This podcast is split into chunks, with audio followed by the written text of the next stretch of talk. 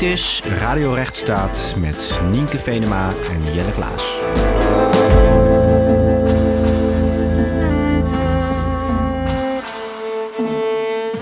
Welkom bij Radio Rechtsstaat, een podcast over waarom de rechtsstaat jou ook aangaat. Deze keer gaan we het hebben over de vrijheid van meningsuiting. Heel belangrijk, fundamenteel mensenrecht en grondrecht in Nederland.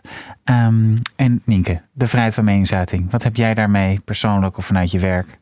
Vanuit mijn werk eh, zijn we, denk ik, meer bezig met persvrijheid en de vrijheid van journalisten om eh, wel of niet zich te kunnen uitspreken. Maar vrijheid van meningsuiting uh, zijpelt, denk ik, overal doorheen als belangrijk grondrecht. En wat ik er persoonlijk met name heel interessant aan vind, is dat zijn vragen als: mag alles gezegd worden? moet de vrijheid van meningsuiting beknot worden? Wie doet dat dan? En dan denk ik aan de, de rechtszaak tegen Wilders of over Martijn, pedofiele vereniging Martijn, dat soort zaken. Dus daar ben ik wel veel mee bezig, ja. Dat ja. klopt. Ja. ja, goed. Ik ook vanuit mijn werk en ook politieke interesses. Het is interessant om te zien dat uh, het, het is een grondrecht waar je veel over hoort in Nederland. Maar toch, hè, wij doen bijvoorbeeld veel met het recht op demonstratie en ook de daarmee samenhangende vrijheid van meningsuiting. Er zijn toch wel veel mensen die dan niet lijken te begrijpen dat de vrijheid van meningsuiting juist ook gaat over groepen en mensen met wie ze het niet eens zijn. Mm. Um, dus daarom leek het ons heel goed om het daar eens even wat uit te diepen. En daarvoor hebben we onze gast Wouter Veraard, hoogleraar rechtsfilosofie en hoofd van de afdeling rechtstheorie en rechtsgeschiedenis aan de Vrije Universiteit in Amsterdam. Um, hartstikke fijn dat je er bent en met ons in gesprek wilt. Um, we dachten laten we eerst maar eens even beginnen met uh, toch gewoon, uh, nou ja, om, om even goed vast te leggen. Hè, wat houdt de vrijheid van meningsuiting in? Ja, dat, die vraag had je me al van tevoren doorgegeven. Dat leek ons wel daar, verstandig. Ja. Ik heb daar heel lang over nagedacht. Nou nee, maar ik denk dat de vrijheid van meningsuiting in principe is wat het zegt. Hè? Dus de vrijheid om je te uiten. Dus je vrijelijk te kunnen uiten als burger in een, in een bepaalde staat. Maar, en dat behelst nog meer dan dat, want het gaat ook over, en dat werd net al even genoemd, de persvrijheid is een heel belangrijk onderdeel van de vrijheid van meningsuiting. En als wetenschapper vind ik ook heel belangrijk de academische vrijheid, die ook weer rechtstreeks te maken heeft met de vrijheid van meningsuiting. Dus, uh, en het is uh, heel belangrijk in een democratie, omdat we ons niet vrijelijk kunnen uiten, kunnen we ook niet vrijelijk en gezamenlijk vormgeven aan die democratie. Nou, dat is een hele mooie uh, eerste punt. En, en sinds wanneer kennen we dan dit fundamentele grondrecht in Nederland?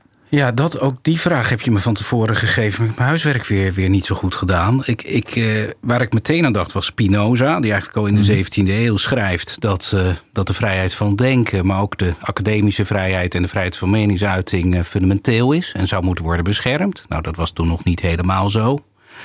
Uh, wat ik zeker weet is dat vanaf de verlichting die vrijheid van meningsuiting echt gecodificeerd wordt ook in onze staatsregelingen en grondwetten. Dus de eerste grondwet, ik heb hem toevallig even meegenomen uit 1798, bevat al het artikel 16, waarin de vrijheid van meningsuiting geformuleerd wordt. Dus dan is het formeel. Maar ik heb het idee dat in Nederland, ook al ten tijde van de Republiek, die vrijheid van meningsuiting een rol speelde. Maar ik heb me daar als rechtshistoricus, wat ik ook niet echt ben, daar verder niet. Uh, niet ja, het is wel van voor de Franse Revolutie al dat je dit terugziet. Ja, natuurlijk. Ja, ja. precies. Ja. Oké, okay, en, en nou goed, hè, onze podcast gaat over de rechtsstaat. Uh, en en ja, die vrijheid van meningsuiting. Hoe verhoudt die zich tot de rechtsstaat? Je zei er net ook al wat over. Uh, vanuit de democratie. Ja, het is misschien heel leuk om even dat artikel 16 erbij ja, te pakken. Want voor de mensen die thuis aan het luisteren zijn, of op de fiets of in de bus. Uh, Wouter Vaart zit hier met een uh, klein zwart boekje. Dat is de grondwet uit. Wat zijn nou, dit is een verzameling van Nederlandse staatsregelingen en grondwetten. Er wordt ook de Unie van Utrecht uh, in afgedrukt. Eerder begint het mee. Daar heb ik nog niet. Er zit misschien ook nog wel iets in wat raakt aan de vrijheid van ja. meningsuiting. Maar waar je het heel duidelijk vindt, helemaal aan het begin, is in de staatsregeling voor het Bataafse volk Kijk, uit 1798. Die fantastisch is sowieso. Die is sowieso schitterend. Er moet veel meer aandacht voor komen. Juristen, nerden. Eigenlijk vind ik dat iedere Nederlander die uit zijn hoofd zou moeten leren. Precies. Persoonlijk. En nou, daar ben je niet alleen in. Artikel nee. 16 voorlezen. Ieder burger mag zijn gevoelens uiten en verspreiden op zodanige wijze als hij goed vindt, des niet strijdig met het oogmerk der maatschappij. Dat is heel interessant al meteen. Dus meteen een soort begrenzing ook. En ik ga door. De vrijheid der drukpers is heilig. Mits de geschriften met de naam van uitgever, drukker of schrijver voorzien zijn. Ook interessant wat voor discussies nu over internet. Deze alle zijn ten alle tijden aansprakelijk voor alle zodanige bedrijven door middel der drukpers ten aanzien van afzonderlijk personen of der ganse maatschappij begaan, die door de wet als misdadig erkend zijn. Dus eigenlijk het tweede deel van dit artikel gaat al over de vraag wanneer kan het begrensd worden. Ja. Nou, als bijvoorbeeld misdadigers die vrijheid van drukpers gaan gebruiken om hun gedachtegoed te verspreiden, en dan is ook degene die verspreidt daar aansprakelijk voor, zegt dit artikel. Ja. En je mag niet anoniem eh, dingen naar voren de- Wat eh, fascinerend. Dus dat is al heel interessant, denk ik, in het kader van de huidige discussies die vooral op het inter- over internet gaan. Fake news, maar ook allerlei, laten we zeggen, trollen die eigenlijk onder een schuilnaam allerlei ellende de wereld eh, inzenden, waar personen heel erg door gedupeerd kunnen raken. Ja, En ook heel interessant vind ik. Een, de vrijheid van me- meningsuiting mag niet strijdig zijn met het oogmerk der maatschappij. Wat dat dan ook zou mogen zijn. Maar je ziet daar al een soort maatschappelijke grens. ja, want daar sloeg ik ook op aan. Ja. Sowieso fantastisch dat je dit hebt meegenomen. Ik had hier geen idee van. Maar is dat in de huidige grondwet anders? Wordt, staat dat, eh, die bijvoeging er niet meer in? Nou, dit is het mooie van deze grondwet. Is denk ik dat hij heel erg de burger aanspreekt. En ik kan hem ook begrijpen. En het wordt geconcretiseerd. Terwijl de huidige grondwet. heb je ook de vrijheid van meningsuiting. En daar staat volgens mij alleen maar zoiets in van. behoudensbeperkingen volgens de wet. Ja. Dus daar wordt verder niet meer gespecificeerd. wat er dan in die wet aan begrenzing zou kunnen worden aangebracht. Dat moet dan maar weer uit de wet blijken. Maar dit is zo interessant omdat hier geprobeerd wordt in deze eerste grondwet van Nederland, zou je kunnen zeggen, eh, duidelijk aan te geven waar die vrijheid van meningsuiting dan precies begrensd mag worden. Want dat oogmerk der maatschappij wordt weer in het eerste artikel van deze regeling omschreven. Verder uitgelegd. Ja, en dan blijkt dat dat gaat om een maatschappij waar, de grond, waar ieders grondrechten verzekerd moeten zijn. Ja, En dat is dus interessant. En daar kunnen we het verder over hebben, ook in het kader van het Wildersproces of andere processen. Van ja, als je je vrijheid van meningsuiting zodanig gebruikt dat de rechten van anderen daardoor geschaad worden. Ja, dan is de mogelijkheid om, te, om die vrijheid van meningsuiting te begrenzen er ook. Want dan dient die niet meer ter versterking van de maatschappij, van die vrijheden van iedereen. Maar gaat het een bedreiging vormen. Ja. Ik zit niet aan. ja, ik zit met eh, enorm te luisteren hier. We gaan zo nog even wat verder door over, over die begrenzingen.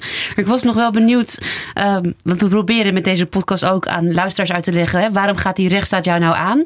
Eh, waarom gaat dit recht ons nou specifiek aan? En als het ingeperkt wordt, wie wordt er daar dan het meeste mee geraakt? Nee, het is een enorm, er werd al gezegd, het is een heel fundamenteel eh, recht. Het is denk ik ook het meest herkenbare mensenrecht, omdat het gaat over onze vrijheid. En je, de vrijheid om je te uiten, hè, je vrijheid van spreken, ja, dat is iets heel fundamenteels. Spreken is sowieso iets heel fundamenteels. En het leren spreken en het leren je vrij te uiten, dat is ook de manier waarop je je als mens kunt ontwikkelen. En een identiteit kunt, kunt opbouwen. Dus als dat wordt ingeperkt, als daaraan wordt gemorreld als wij niet meer vrij uit kunnen spreken en niet meer onze gedachten mogen formuleren op de manier waarop wij willen, ja, dan komen we in een onvrije samenleving terecht die haak staat op de rechtsstaat. En Dus dat, daar kunnen we allemaal iets bij voorstellen. Op elk niveau is het belangrijk. Ook voor kinderen is het al belangrijk. Ja. Ja, maar zou het dan niet zo zijn dat mensen die wat meer afwijkende meningen hebben, dan ook het snelst worden opgepakt of daar last van hebben? Als je nou maar gewoon de mening uit die overeenkomt met de norm in de samenleving, zou je er dan minder last van hebben? Dat denk ik wel. Dus de dominante meerderheid, ja, die mening zal wel gehoord mogen worden. Dus die mensen mogen die mening ventileren. Maar je ziet natuurlijk als de rechtsstaat onder druk komt te staan, bijvoorbeeld in landen als, in een land als Polen op dit moment binnen de Europese Unie, dan zie je dat de plekken waar die vrije, vrije meningsuiting gebruikt wordt om ook kritisch na te denken over wat er gebeurt, dat die Ja. eh, in de gevarenzone komt. Hè. Bijvoorbeeld aan de universiteiten, en dat heb ik van collega's in Polen gehoord, is men al, wordt men al in de gaten gehouden. Ja. Eh, op basis van wat men publiceert en, en uit. Eh, omdat dat wel eens tegen de, tegen de heersende opinie van, eh, van het regime in zou kunnen gaan. Nou, je noemt het een van de eh, meest fundamentele eh, grondrechten. En het onderzoek blijkt ook dat de vrijheid van meningsuiting in Nederland ook het bekendste mensenrecht is. De meeste mensen weten eh, waar het over gaat. Maar ik vind het toch wel interessant, waarom is dan specifiek dit recht zo populair? En meer dan bijvoorbeeld het recht op, op privacy of het recht op huisvesting, om in een huis te mogen wonen. Of bijvoorbeeld het recht om niet zomaar opgepakt of doodgeschoten te worden door de politie. Want je zou zeggen, dat raakt mensen toch ook wel als dat niet beschermd wordt. Ja, dat, dat is een goede vraag. Ik denk dat die andere rechten. Je zou kunnen zeggen, we zijn een welvarend, een beetje decadent eh, land waar we over het algemeen al heel veel mogelijkheden hebben. En dan is de vrijheid van meningsuiting iets wat misschien het snelst op het spel staat of waar mensen het snelst iets bij kunnen voorstellen. Misschien dat iemand die dakloos is, uh, dat het recht op huisvesting wel belangrijker vindt. Mhm. Maar de meeste mensen in Nederland zijn, zijn niet dakloos. Uh, maar wat ik net al zei, het, het zit heel dicht bij wie je bent als mens. Het gaat om jouw vrijheid van spreken. En dat is denk ik, het zit, helemaal, het zit heel erg in de kern van je eigen, van wie je zelf bent en kunt zijn. ik denk dat daarom het enorm aanspreekt komt heel dicht bij je. Ja, en het hangt misschien ook, het haakt ook wel in op bijvoorbeeld het recht op betoging of het recht om niet doodgeschoten te worden door de politie. Ja. Dat begint vaak natuurlijk ook wel. Ja. Uh, er zit wel een connectie. Ja. ja. En, en is dit altijd al een populair mensenrecht geweest in Nederland? Ik bedoel, of is het echt iets van de laatste twintig jaar? Of heb jij daar enig zicht op? Nee, ik heb daar geen onderzoek naar gedaan. Ik weet er ook niet veel van. Ik kan me voorstellen dat het altijd als een belangrijk grondrecht is ervaren. Ook al ook als je naar die, naar die grondwetten die we hebben gehad kijkt. Ja, ja precies. Ja, je liet het net zien. ja. We hebben het, uh, we hebben het met elkaar uh, over vrijheid van meningsuiting. De grondwet en grondrechten geven aan hoe de overheid zich tegenover haar burgers dient te gedragen. Het is eigenlijk een gedragscode voor de overheid. Hierbij gaat het dan om een verticale relatie. En niet om een relatie tussen burgers onderling, wat er in de grondwet geschreven staat. In de discussie over vrijheid van meningsuiting, zoals die de afgelopen jaren gevoerd wordt, domineert toch vooral een horizontale interpretatie van dit grondrecht. Wat mag je wel of niet tegen elkaar zeggen? Wat mag je wel of niet vinden van wat iemand zegt. Mogen mensen alles tegen elkaar zeggen? We hadden het er net al een beetje over. Ja, ik denk dat die, uh, het niet zo is dat, dat, dat, dat die vrijheid van meningsuiting alleen maar kan worden gehandhaafd. Uh, is, alleen maar gaat over de relatie tussen burger en overheid. Ik denk dat iedereen snapt dat de vrijheid van meningsuiting gaat over jouw relatie tot iedereen. Uh, ook tot je medeburgers, tot je omgeving. En dat, dat kan je al zien, omdat er beperkingen die er, die er in het strafrecht zitten aan de vrijheid van meningsuiting, die gaan juist vaak over hoe we ons ten opzichte van elkaar uh, moeten gedragen. Bijvoorbeeld smaad hè, of belediging. Dat kan al strafbaar zijn volgens het Nederlandse strafrecht. Dus er zit al een beperking in hoe je je uit, in hoe we met elkaar om moeten gaan. Ik kan zeggen, van, uh, daar, ik dacht nog even aan die bepaling uit die uh, Bataafse staatsregeling, van ja, het oogmerk der maatschappij daar verhoudt de vrijheid van meningsuiting zich ook toe. En ja, op het moment dat de vrijheid van meningsuiting gebruikt wordt om die maatschappij omver te werpen of een einde te maken aan de democratie of aan de rechtsstaat, of een uiting wordt gebruikt om een bevolkingsgroep bepaalde rechten te ontzeggen, als oproepen daartoe worden gedaan, ja, dan komt die grens ook in zicht. En dan gaat het niet alleen maar om het feit dat bijvoorbeeld, zoals in het geval van de Wilderszaak, moslims worden beledigd. Maar ook om het, om het aspect van ja, in een rechtsstaat, we kunnen alleen maar een rechtsstaat overeind houden als we de recht, elkaars rechten wel blijven respecteren. En dat, dat stelt ook zekere grenzen aan wat we wel en niet uh, mogen zeggen. Ja, want je, je, je noemde al even kort de, de rechtszaak uh, van Wilders en, en, en uh, vrijheid van meningsuiting jegens moslims of van moslims. En sinds de moord op Pim Fortuyn en die op Theo van Gogh lijkt uh, de vrijheid van meningsuiting in ons publiek discours voor sommige mensen synoniem te zijn geworden met religiekritiek en het recht om te kwetsen. Het recht om uh, iets te mogen zeggen wat een ander kwetst. En dan met name wellicht moslims, maar niet alleen. En mensen die propageren dat vrijheid van meningsuiting het hoogste goed is van onze samenleving, uh, beweren dat dit grondrecht hun de vrijheid geeft om alles te kunnen zeggen wat ze willen. En mensen die tegen die belediging in opstand komen, wordt dan weer verweten dat ze de vrijheid van meningsuiting de nek om zouden willen draaien. En hiermee staat vrijheid van meningsuiting voor sommigen wellicht uh, symbool voor wat wordt verstaan onder westerse waarden. Wat vind jij van deze interpretatie van, van dit grondrecht? Ja, ik vind het heel interessant. Dus daar heb ik ook wel, uh, praat ik met de studenten vaak over. Juist de eerstejaarsstudenten ook, want het is heel fundament, hele fundamentele discussie die ze ook herkennen. En ik heb het ook altijd met ze over die zaken waarin met name uh, mensen terecht hebben gestaan die bijvoorbeeld beledigende uitingen wellicht beledigende uiting hebben gedaan. Bijvoorbeeld richting moslims, soms ook andere groepen. En uh, dan, als je naar die zaken kijkt, dan zie je dat, dat er eigenlijk een scheidslijn wordt gemaakt tussen godsdienstkritiek en verdergaande uitingen die zich niet maar alleen maar op de godsdienst richten, maar ook om de groep mensen die die godsdienst of levensovertuiging uh, omarmt en, en beleidt. Mm en wat ik interessant vind, is dat de rechter uh, lange tijd, of de Hoge Raad in dit geval, of de ook lagere rechters lange tijd op de lijn zaten dat ze eigenlijk heel veel dingen als godsdienstkritiek bleven zien. Dus bijvoorbeeld in het eerste proces tegen Wilders ging het onder andere over een uitspraak van Wilders die de Koran wilde verbieden. Nee. En daarvan zei de rechter dat dat uh, in feite godsdienstkritiek was en niet uh, over de moslim zelf uh, ging, die uitspraak. En dat bespreek ik altijd met mijn studenten. Van wat vinden jullie daarvan als, als een politicus voorstelt om de Koran te verbieden? Gaat het alleen maar over de godsdienst? En godsdienstkritiek moet kunnen, dat vind ik zelf ook. Mhm. We leven in een democratie, we moeten elkaars godsdiensten alsjeblieft uh, bekritiseren. En dat mag ook best fel en hard eraan toe gaan wat mij betreft. Maar een Koranverbod gaat volgens mij over iets anders dan over godsdienstkritiek. Dat gaat over, en dat heeft Wilders zelf ook met zoveel woorden toegelicht in de Volkskrant in een interview van alweer eh, nou, ruim tien jaar geleden.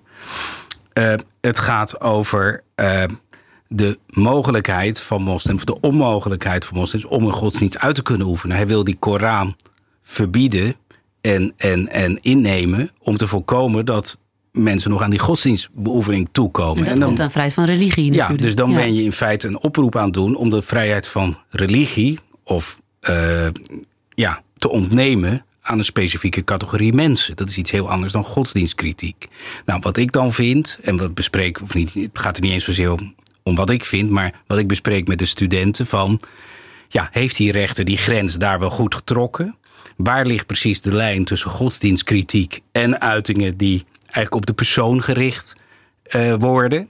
En ga, moet je dan alleen kijken naar wat er letterlijk gezegd wordt? Of moet je de context van wat er gezegd wordt erbij betrekken? En ook de context waarin iets gezegd wordt? En maakt het uit dat een bepaalde uiting in de context van de moord op Theo van Gogh is gedaan, waar er heel veel spanningen waren en misschien ook wel geweldsincidenten? Of dat je dat in een heel rustig moment doet. In een, hè. dus dat vind ik allemaal interessant en uh, de moeite van het overdenken waard. Maar wat duidelijk uit deze uitspraken, wat mij betreft, volgt, is dat de vrijheid van meningsuiting nooit absoluut is hmm. in een rechtsstaat. En dat de vraag van waar de grens dan ligt, die staat altijd ter discussie. Maar dat er een grens is, dat is voor mij, dat er een juridische grens ook is, dat is voor mij duidelijk. Ehm, de vraag is alleen waar die precies ligt. En dat voor sommige mensen zeggen dat mensen die een bepaalde religie aanhangen, in dit geval zullen ze islam bedoelen, eh, en die zij associëren met, het, allemaal disclaimers, dit is niet mijn mening, maar die ze associëren met zij willen de vrijheid van meningsuiting inperken, zij willen de rechtsstaat inperken en dus mogen wij hun religie inperken. Aanhangers van bijvoorbeeld de PVV wellicht denken op deze manier.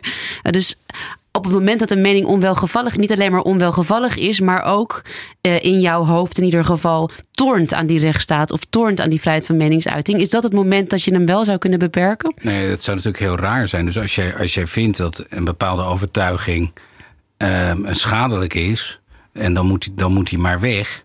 Hè, en je bent een dominante meerderheid dan, en je maakt daar een eind aan dat kan op zich allemaal als je daar een politieke meerderheid voor vindt. Maar dan ben je wel je vrijheid van meningsuiting kwijt. Het, bij de vrijheid van meningsuiting gaat het er nou juist om dat je de vrijheid geeft aan iedereen om zijn mening te uiten, ook als die mening onwelgevallig is. Hmm. En wat ik bij, in de zaak Wilders zo interessant vind, is dat hij zichzelf de hele tijd beroept op de vrijheid van meningsuiting en zichzelf ook als een soort martelaar van het vrije woord presenteert. Terwijl hij zelf natuurlijk met zijn Koranverbod en dat soort oproepen Precies. zich ook als een grote vijand van het vrije woord manifesteert. Ja, ja wat ik, ik vind het interessant dat de mensen die inderdaad aan de ene kant heel erg voor de vrijheid van meningsuiting, de westerse waarden, wat Nienke net ook aangaf, die daarvoor opkomen, dan vaak wel op het moment dat er een mening is die een minderheidsmening is, bijvoorbeeld Zwarte Piet is racistisch of Erdogan is een topper. Als die mensen voor zo'n standpunt de straat op gaan, dan zeggen ze allemaal ja, maar dat hoort hier niet. En er wordt er vaak ook nog een toch een racistisch punt bij gekoppeld. Ga allemaal maar naar een een ander land toe. Um, en ja, dat, dat, dat vind ik wel. Ik snap niet helemaal waarom die mensen niet het, het, vertrouwen hebben dat je als democratie ook wel een stootje moet kunnen hebben. En dat je het liever op straat hebt, ook, ook als het een walgelijke mening is. Uh, en je echt denkt van dit gaat helemaal de verkeerde kant op. Ja, het alternatief is hè, dat die mensen dat dan, uh, die mening hebben ze, die gaan ze met elkaar bespreken. Dat je het niet meer op straat ziet en dat je niet meer er openlijk met elkaar en ook met hen en misschien met de wat meer gematigde types in discussie kan gaan. Nee, ik vind dat. Maar mensen zijn natuurlijk bang voor het olievlek-syndroom. Dus dat als je eenmaal een mening hoort, dat andere mensen daar dan ook aan mee gaan doen. Ja, maar het is natuurlijk idioot om dan te denken, dan verbieden we dat protest. Dus dan wordt die mening niet meer gehoord. Nee, nee, dat het, is natuurlijk. Ja, ik, ja. ik, weet niet of jij. Dat, ik vind, kijk, de vrijheid van meningsuiting betekent juist dat je respect moet op blijven brengen voor het feit dat mensen hun mening uiten. Ook hoef je het daar helemaal niet mee eens te zijn. Zelfs je kan het walgelijk vinden. Dan nog moet je het eerbiedigen, tenzij die mening zodanig wordt dat die strafbaar wordt. En, maar dan moet het weer volgens in een behoorlijk proces eigenlijk uh, dat vastgesteld uh, worden. Ja, en we, we, hebben ook al. Oh, je bent. Jij ja, gaat. Uh, nou, ja. ik wil er toch nog even zeggen van als je je eigen vrijheid van meningsuiting belangrijk vindt in een, in een democratie.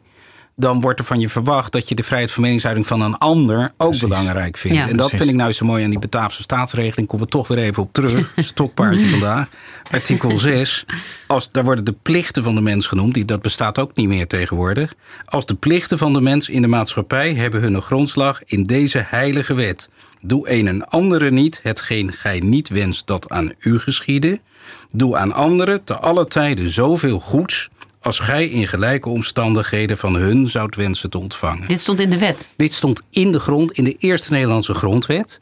En bij de vrijheid van meningsuiting vind ik dat een hele belangrijke. Als je je eigen vrijheid van de meningsuiting belangrijk vindt, moet je die van een ander, van je tegenstander, van je politieke tegenstander, net zo belangrijk vinden.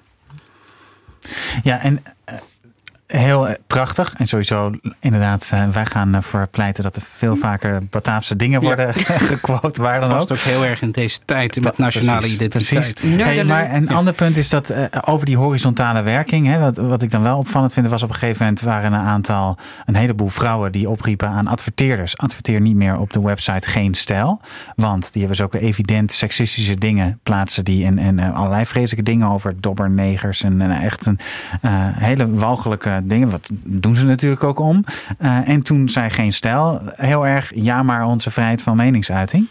Uh, dat vond ik heel interessant. Uh, dat, dat zij daar, daarmee kwamen.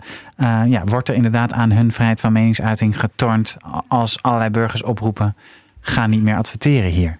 Nee, volgens mij niet. Want dat, dat ging over adverteren. Kijk, volgens mij ging die, die oproep tot, het, tot die advertentieboycott erom dat, de, dat het raar zou zijn dat een overheid dat soort, om, dat soort websites zou sponsoren door middel van het plaatsen van advertenties, mm-hmm. waar, waarin eigenlijk bepaalde meningen heel erg versterkt worden die volkomen ingaan tegen waar diezelfde overheid voor zegt te staan. Dus als Defensie bijvoorbeeld recruten werft op die website, dan wordt toch een wat suggestie gewekt van wat daar gezegd wordt, ook binnen de krijgsmacht, okay. best normaal ja. zou kunnen zijn. En daar ging volgens mij de discussie over. Er werd niet gezegd dat, geen, dat de vrijheid van meningsuiting op geen stijl zou ja. moeten worden ingeperkt. Die mochten er gewoon mee doorgaan, maar het ging alleen maar om de veel beperktere vraag: moet de overheid dat sponsoren door op die site advertenties ja, te volgens mij ging het ze ook wel om, om advertenties van andere bedrijven. Okay. Maar je zou ook kunnen zeggen dat zij ook de vrijheid van meningsuiting hebben om op te roepen om daar niet meer te adverteren. Ja, en dat ik denk dat er is ook is. nog een, vrij, een adverteervrijheid. En, en, en, bedrijven mogen zelf bepalen waar ze wel of niet ja. hun advertenties plaatsen. En ik vind het ook wel ethisch dat bedrijven daar goed over nadenken. Ja. En wou ik nog even als het mag even terugkomen op een ding wat je iets eerder zei. Is over dat als er een mening is die uiteindelijk leidt tot iets strafbaars. Of tot het onverwerpen van die democratische rechtsstaat. Hè, dan zou je daartegen kunnen optreden. En, wat ik interessant in de nieuwe Rutte 3 wil ook antidemocratische partijen verbieden. Um, wat ik begreep van voor, voorheen was dat een antidemocratische partij. Uh, of die voor een ander soort democratie is. Bijvoorbeeld een communistische partij, de CPN. Werd wel toegestaan tot het moment dat ze daadwerkelijk die revolutie zouden gaan uh, uh, voorbereiden. Maar in hun retoriek en ook in hun partijprogramma's ja, hadden ze natuurlijk wel het punt van hè, wij, wij motten het kapitalisme niet. En uiteindelijk moet dat omver worden geworpen. Um, ja, heb je, als je dus een partij hebt of een beweging die zegt deze rechtsstaat en deze democratie, dat moet anders. Um, ja, in hoeverre mag de overheid dat toestaan? Vind je dat de vrijheid van meningsuiting daar geldt? Ja, is, dit is volgens mij gaat dat toch meer over een andere vrijheid, namelijk de vrijheid van vereniging. Dus dat is, dat is wel, ja, dat is natuurlijk ook een grondrecht met een bepaalde vrijheid die ook wel weer te maken heeft met de vrijheid van meningsuiting. Maar in de kern gaat het om de, om de vrijheid van vereniging. En die mag je in Nederland sowieso via het privaatrecht kan je die verbieden, hè, via de rechtspersonenrecht vanwege strijd met de openbare orde, geloof mm. ik. En daaronder kan je ook wel weer dit soort dingen uh, uh, laten vallen. Uh, bij dit soort, dit zijn wel echt paardenmiddelen waar je het dan over hebt. Dus als je een, een, een vereniging gaat verbieden omdat ze bijvoorbeeld antidemocratische motieven hebben, dan moet je dus wel heel goed helder krijgen uh, wat antidemocratisch precies, uh, ja, precies, inhoudt.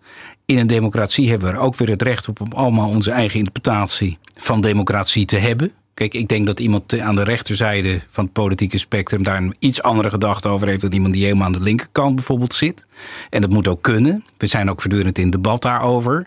Dus als je al te snel je eigen definitie van democratie heilig verklaart en alles wat daarvan afwijkt gaat verbieden, dan kom je alweer in een dictatuur terecht. Dus je moet met zo'n partijverbod, wat er nu eigenlijk ook al bestaat, heel terughoudend omgaan. Want het is op zichzelf een middel die de democratie geen goed doet. En je kan het dus alleen maar doen om een erger kwaad te voorkomen. Nou ja, dan moet je dus heel zeker weten wat je aan het doen bent. En dan moet je ook heel zeker weten dat er geen alternatieven zijn die minder ver gaan. En uh, minder schadelijk eh, zijn voor de democratie dan deze maatregelen. En, en, daar nog even op volgend, een, een, persoon, nou ja, daarop volgend is net iets anders, maar een persoon die wordt verdacht van radicalisering, uh, die bijvoorbeeld, uh, nou ja, goed door allerlei redenen zo wordt geprofileerd en daardoor als een bedreiging wordt gezien voor een potentiële terroristische aanslag, zou die zich kunnen beroepen tot zijn of haar vrijheid van meningsuiting en tot welk punt zou dat dan nog geldig zijn?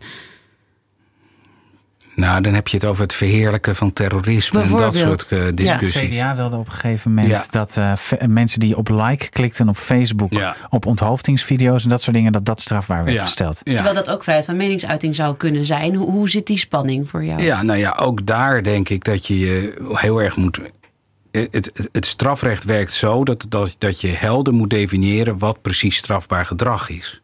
Als je op een gegeven moment gaat zeggen van allerlei uitingen uh, op allemaal gedragingen op internet, die kunnen daaronder vallen. En, en als je ook maar in de verste verte iets liked, wat gekoppeld zou kunnen zijn aan een uh, terroristische organisatie, dan ben je zelf meteen al strafbaar. Ja, dan ga je het zozeer oprekken dat die vrijheid van meningsuiting niks meer voorstelt. Dus ik vind je moet ook weer terughoudend zijn in wat je doet. Je moet, en dat elke strafrechtjurist die die is het daar meestal ook wel mee eens. Een delictsomschrijving moet voldoende specifiek zijn, zodat burgers van tevoren kunnen weten welk gedrag tot strafbaarheid zou kunnen leiden en welk gedrag niet. Nou, bij dit soort dingen, als het strafbaar stellen van het mogelijk verheerlijken van terrorisme, ja, dat is zo'n zo'n ruim, vaag, grijs gebied waar je dan in terecht komt, dat als je daar streng op gaat handhaven, je die vrijheid van meningsuiting eh, te veel beschadigt in mijn ogen. Dus de rechtsstaat heeft ook een, een soort verplichting tot een bepaalde voorspelbaarheid voor ja, burgers. Terughoudendheid en voorspelbaarheid. Dus, dus, dus, dus de delictsomschrijvingen waarin die vrijheid van meningsuiting wordt ingeperkt, of kan worden ingeperkt, die moeten heel precies zijn en die moeten voldoende specifiek zijn, zodat burgers begrijpen wanneer ze over de schreef zouden kunnen gaan. Want anders dan ben je heb je eigenlijk geen vrijheid van mening zijn. Dan krijg je zelf censuur. Eh, ja, en de democratie moet ook wel tegen een stootje kunnen, denk ik. Dat is natuurlijk ook belangrijk en veranderende ideeën. Dat je moet je in het maatschappelijk debat, uh, dat moet voldoende gezond zijn, zodat allerlei tegengeluiden en, en griezelige opvattingen ook in dat maatschappelijk debat worden ontzenuwd en bestreden. Ja, en in dus dit geval is zelfcensuur dan wel een, een, een verticale relatie, namelijk zelfcensuur ten opzichte van wat de overheid anders doet. Nou ja, wat je, ja dus als de rechtsstaat in het, in het nauw komt, dus denk bijvoorbeeld aan een land als Polen op dit moment. Dan ga je bijvoorbeeld als wetenschapper eigenlijk anticiperen op wat de overheid wel eens zou kunnen gaan doen. Ja. Ja, ja. En dan ga je jezelf eigenlijk beperken in je uitingen. Het chilling effect heet dat ook, toch? En dat is een heel gevaar. Dat zie je in, in, in, in landen waar autoritaire regimes uh, sterker worden ten koste van, een, van de rechtsstaat. Dat dat gaat gebeuren. Dus dat mensen eigenlijk veel meer zichzelf dan in de weg gaan zitten, omdat ze bang zijn dan dat de overheid daadwerkelijk de hele tijd uh, heel letterlijk iemand in zijn vrijheid van meningsuiting belemmert. Ja, ja. Eh, overigens, over andere landen gesproken, want uh, de Nederlandse vrijheid van meningsuiting verschilt van de Amerikaanse versie van vrijheid van meningsuiting. Weet jij hoe dat zich concreet uh, uit? Wat zou hier bijvoorbeeld uh, niet kunnen, wat daar wel mag? Want ze zijn daar wat radicaler, geloof ik. In hun nou ja, kijk, bijvoorbeeld allemaal vergelijkingen met Hitler en de nazi's en zo. Die zijn daar, uh, kan je daar gewoon maken. Overigens in heel veel landen. Want ik was een tijdje in Zuid-Afrika, lang geleden. Toen bleken heel veel honden daar Hitler te heten. Ja, mensen ook overigens. Mensen misschien ook wel. Nou, dus dat kan daar gewoon. In, in, in Amerika kan je ook gewoon in een nazi-uniform over straat gaan. Dat zou hier ook eigenlijk niet kunnen. Dus wij zijn, en dat heeft met onze eigen geschiedenis te maken, veel gevoeliger nog steeds voor die nazi-achtige uh, uitingen en ideologie. En daar hebben we paal en perk aangesteld. Hoewel je tegenwoordig ziet dat er een, een, een laten we zeggen, tempering is opgetreden. Omdat bijvoorbeeld Mein Kampf nu weer wel kan worden uitgegeven. Hmm. Dat is trouwens ook weer interessant in, in het kader van Wilders. Want die heeft altijd zijn Koranverbod gelegitimeerd door te zeggen: ja, de, de Mein Kampf is ook verboden. Ja. Maar dat kan hij nu niet meer zeggen. Dus dan moet hij eigenlijk zijn Koranverbod ook intrekken. Zijn voorstel voor een Koranverbod ook intrekken. Maar dat heeft hij geloof ik nog niet gedaan. Maar hoe dat zij, in Amerika is dus de vrijheid van meningsuiting traditie, traditioneel eigenlijk ruiger. Je kan daar veel meer zeggen. Tegelijkertijd zie je ook in Amerika, maar ik ben hier niet echt een expert in. Maar goed, wat ik ervan weet en begrijp, is dat juist weer de morele sociale controle weer erger kan zijn. Dus daar zijn mensen eigenlijk veel meer elkaar in de gaten te houden, aan het houden dan hier. Dus hier is eigenlijk juridisch gesproken is de vrijheid van mening, meningsuiting meer begrensd. Maar sociaal gesproken durven we ons best wel te uiten. Terwijl in Amerika is juridisch eigenlijk heel veel mogelijk. Maar is er weer heel veel sociale druk vaak op mensen om toch allerlei dingen niet te zeggen. Dus een soort hyperpolitieke correctheid die bijvoorbeeld aan de universiteiten daar wel aantreft. Dus eigenlijk mag je alles zeggen, maar sociaal is er grote druk om je te conformeren aan een bepaalde standaard. Maar de repercussies zijn natuurlijk wel anders als je elkaar gaat uh, policen dan wanneer de staat dat met je doet. Nee, ik denk dat elkaar policen nog veel enger is. Dat heeft eh, John Stuart Mill eigenlijk ook geschreven. De grootste vijand van de vrijheid van meningsuiting is de publieke opinie en niet uh, zozeer de overheid. Dat vind ik ook heel interessant. En wat je in Amerika ziet, die publieke opinie heeft daar misschien heel lang een soort politieke correctheid in stand gehouden. Die misschien op een op een bepaalde manier ook weer Trump mogelijk heeft gemaakt. Want die trekt zich natuurlijk helemaal nergens meer wat vandaan. En uh, dat zullen sommige mensen misschien als bevrijdend ervaren. Ik vind het wel altijd fascinerend als mensen politieke correctheid zeggen. Wat bedoel je daar precies mee? Nou, ik bedoel er eigenlijk niets anders mee dan dat er eigenlijk door de publieke opinie een bepaalde uh, sfeer wordt gecreëerd. Uh, waarbinnen je bepaalde dingen wel en bepaalde dingen niet kan zeggen. Maar wat het inhoudt, dat is geheel contextafhankelijk. Want wat bij geen stijl politiek correct is, want die bestaat daar waarschijnlijk ook, is heel anders dan uh, op, op andere websites. Contextafhankelijk. Ja, is volkomen contextafhankelijk. Dus voor mij heeft dat geen duidelijke inhoud. En is ook van land tot land misschien wel van regio tot regio heel verschillend. Ja, want hier, als, je het hier, als we het hier spreken over politieke correctheid in het publiek discours, gaat het vaak over dat je alles moet kunnen zeggen wat je wil. Dus dat je eigenlijk moet kunnen beledigen. En als dat niet mag, is het verkeerd. Maar mensen die galant willen zijn of voorzichtig willen zijn in hun taalgebruik, worden dan verweten politiek correct te zijn. Ja, dat en daarmee ben je, ben je in het debat dood tegenwoordig. Ja, hoewel ik toch het idee heb dat daar een beetje een kentering misschien al aan het optreden is. Tenminste, dat Misschien is het wishful thinking, maar soms heb ik dat idee dat er toch wat, hè, dat de angel er toch een beetje langzamerhand uitgaat. We zijn nu ook heel erg gewend ook aan dat, aan dat soort retoriek. En misschien zijn we langzamerhand beter in staat geworden om daar uh, tegen, ons tegen te verweren en, en daar antwoorden op te verzinnen. Maar kijk, het is natuurlijk al lang niet meer politiek correct om politiek correct te zijn. Om het maar even zo te zeggen. Dus die politieke correctheid waar, waar jij het over hebt, die bestaat al lang niet meer. Hm. De, de, politieke correctheid is nu nou juist om alles te benoemen. Precies. En het is politiek oncorrect om op te komen voor uh, bepaalde belangen van uh, minderheidsgroepen, die daardoor misschien in het verdomhoekje uh, zijn, zijn, zijn geraakt. Ja. Dus de politieke correctheid is nu heel anders dan, laten we zeggen, twintig jaar geleden. Want de context is veranderd. Want de context is veranderd, de politieke situatie is veranderd. Ja, ja ik ben nog wel even aan het nadenken over je punt over hoe dat in de Verenigde Staten ben. Ik, ik denk dat ik het niet helemaal met je eens ben over die. Uh, als de staat wat strakker is op de vrijheid van meningsuiting en het je moeilijk maakt, ja, daar kun je heel moeilijk aan onttrekken. Hè? Je kunt moeilijk zeggen van nou dan ga ik wel naar een ander land. Dat is toch de meeste mensen hebben die luxe niet. Uh, en ik denk dat het ook makkelijker is als er een bepaalde cultuur is. Ja, dat je dan een tegencultuur organiseert of wat dan ook. Terwijl ja, zo'n staat is natuurlijk ook weer een uitvloeisel van een bepaalde norm.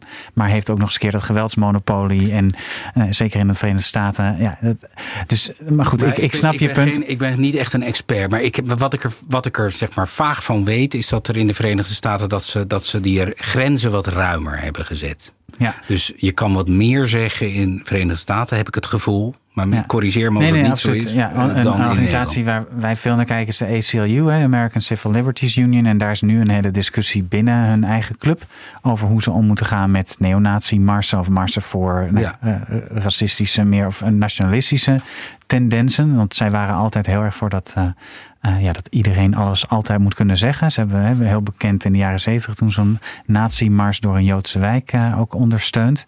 Uh, die er uiteindelijk niet kwam overigens, maar er was heel veel ophef daar, daarover.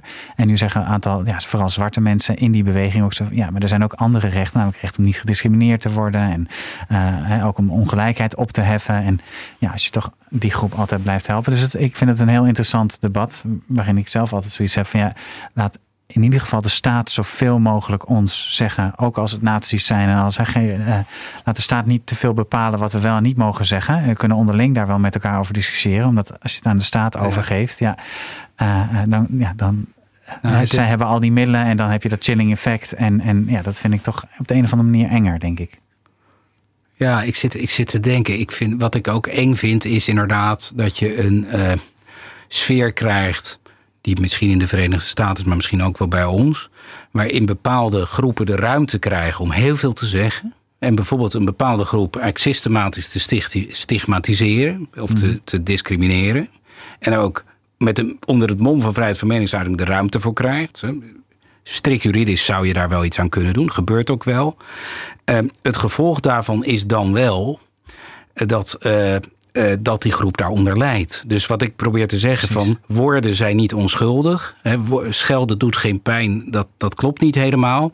Als je maar systematisch en met voldoende kracht alsmaar weer dezelfde groep uh, eigenlijk als minderwaardig neerzet ten opzichte van andere groepen, dan gaat het op een gegeven moment in de maatschappij uh, tot zaken leiden. Bijvoorbeeld discriminatie op de arbeidsmarkt, Precies. discriminatie op straat, etc. Waardoor die groep eigenlijk niet meer als een gelijkwaardige groep in die maatschappij kan gaan functioneren. En dat is in strijd met het uitgangspunt dat we met z'n allen juist op basis van vrijheid en gelijkheid met elkaar zouden moeten omgaan. Dus dat ondergraaft dan de rechtsstaat. Daarom ben ik daar toch huiverig voor. Daarom vind ik het dus.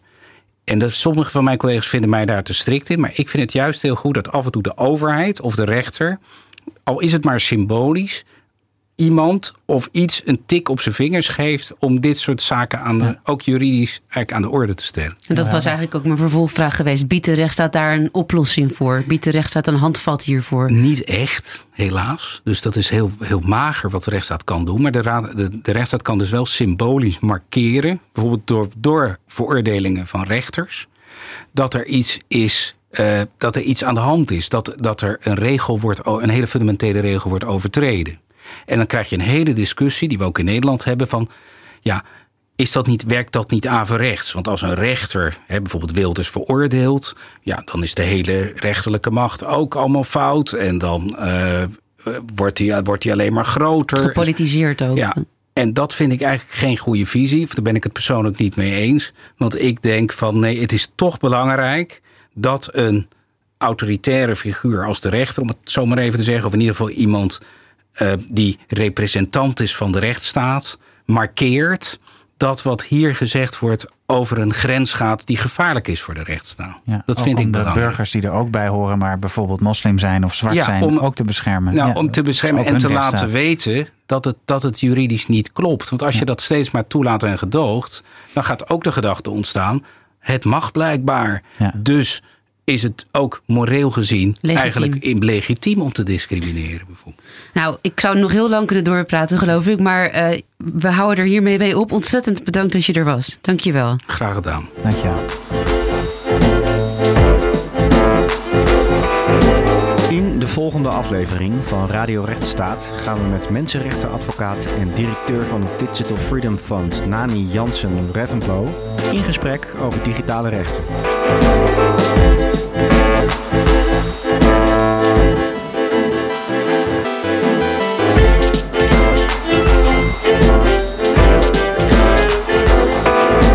Rechtsstaat is gemaakt door Nienke Venema, Jelle Klaas en Andreas Willemsen.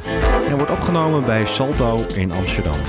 Kijk op www.radiorechtsstaat.nl voor alle afleveringen en meer informatie.